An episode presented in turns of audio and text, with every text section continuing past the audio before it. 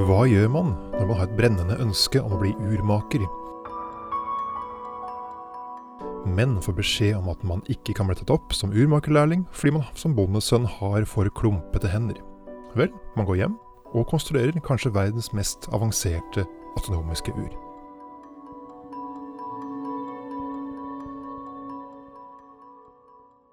I hvert fall var det dette Rasmus Sørnes senere gjorde, for å vise dem som tvilte på hans evner, kanskje, men også pga. et brennende ønske om å gi vanlige folk et innblikk i hvordan universet og tiden fungerer, på en mekanisk måte.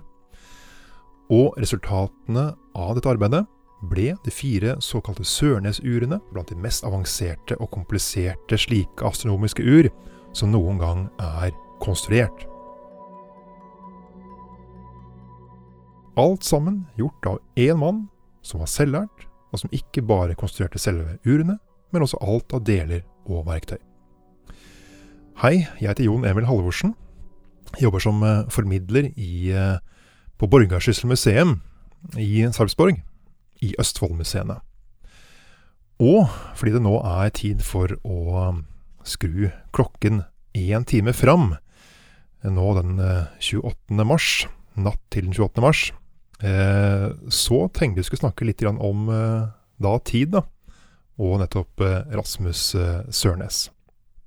Rasmus hadde jo da dette brennende ønsket, som sagt, om å eh, vise folk hvordan tid og universet fungerer. Og vi snakker om en mann som da eh, ikke var eh, utdannet i det høyere eh, kunster som astronomi, høyere matematikk, ei heller som urmaker, men ble født som eh, bondesønn på Sola i Rogaland i 1893 på gården Sørnes. Eh, likevel så er Rasmus Sørnes å regne som en av Norges aller største tekniske begavelser, og litt glemt, da, i eh, den forstand.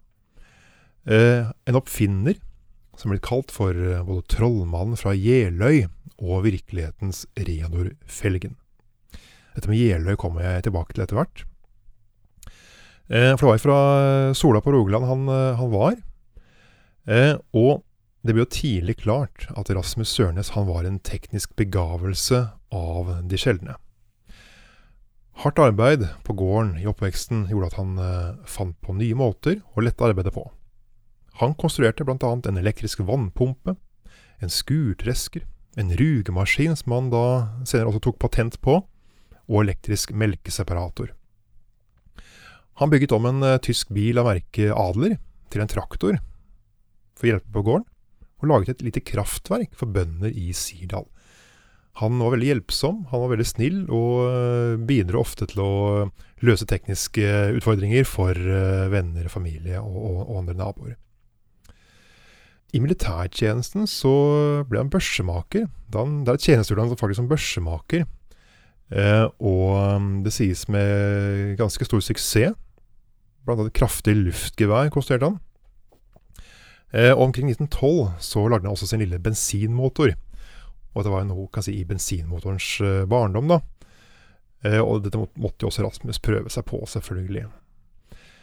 Så, vinteren 1922 til 1923 drev Rasmus eh, Sørne sin egen radiostasjon, sin kringkastingsstasjon.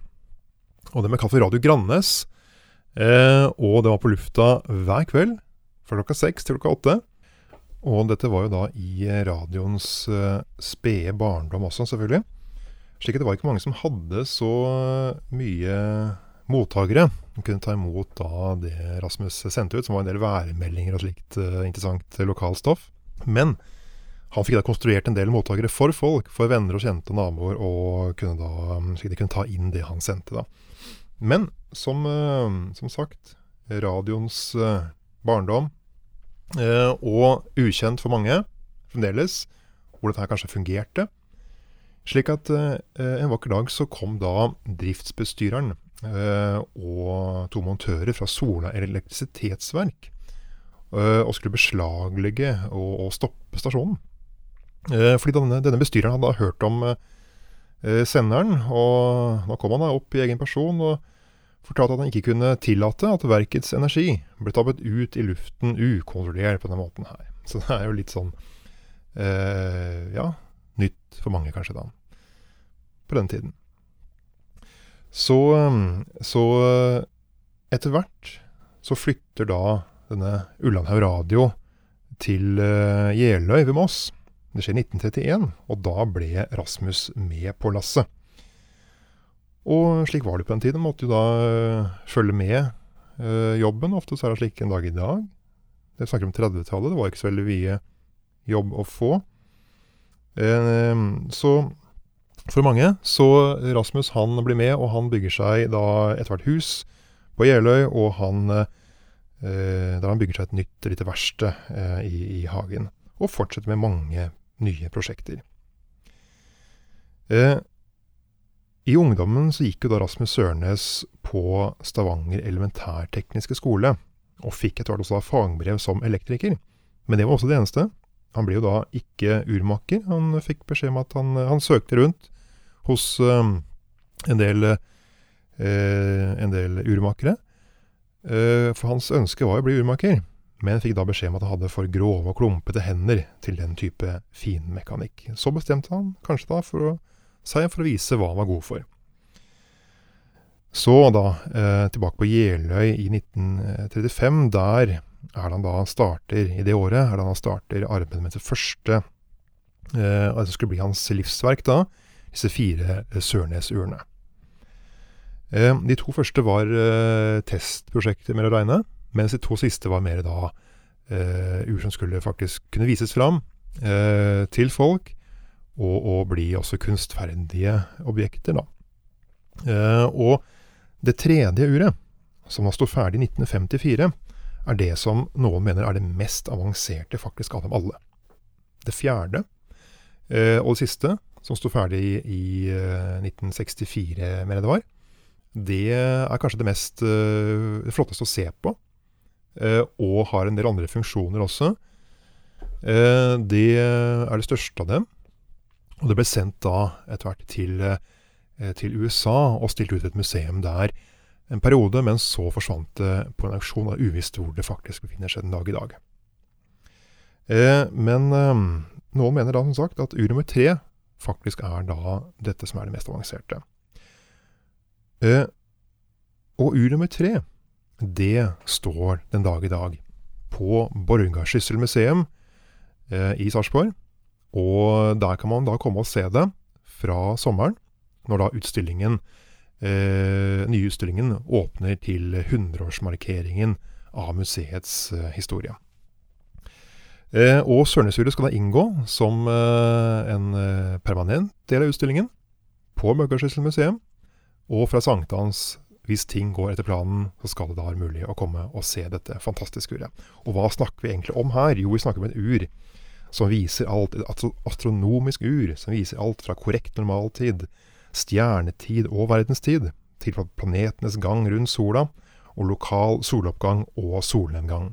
Det viser også jordas, månens og solas rotasjoner, månens faser og sol- og måneformørkelser, flo og fjære, solflekkenes syklus, og mye mer. Uret tar også høyde for polarstjernens syklus på 26 800 år, og det kan jo få enhver til å begynne å tenke på hva er dette her egentlig er. Hvordan kunne en mann som eh, ikke hadde noe som helst eh, utdannelse innenfor høyere matematikk eller teoretisk astrofysikk eh, og slike høye vitenskapsfelter, klare å konstruere noe slikt? Jo da, Eh, det klarte han. Ikke bare konstruerte han eh, selve uret, han lagde også alle delene selv, og eh, verktøyet for å lage deler med mer.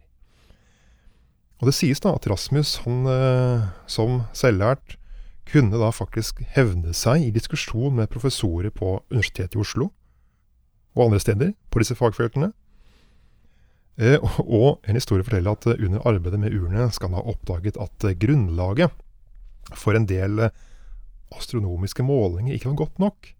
Så han foretok derfor nye målinger selv, ganske enkelt, for å kunne komme fram til mest nøyaktige eh, mest, Størst mulig grad av nøyaktighet i urene sine.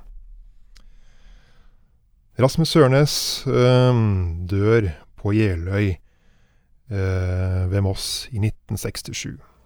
73 år gammel. Han øh, var en ekte autodidakt. En selvlært, altså, får vi si. Og Sørnesurene viser hva det er mulig for ett menneske å lære seg å utføre på egen hånd av høyere kunnskaper innen matematikk, astronomi og urmakeri. Og det er derfor ikke uten grunn at Rasmus Sørnes har blitt kalt for trollmannen fra Jeløy. Og en av de største tekniske begavelsene Norge har hatt. Så ta turen til Borgarskilt museum eh, til sommeren, til sankthans.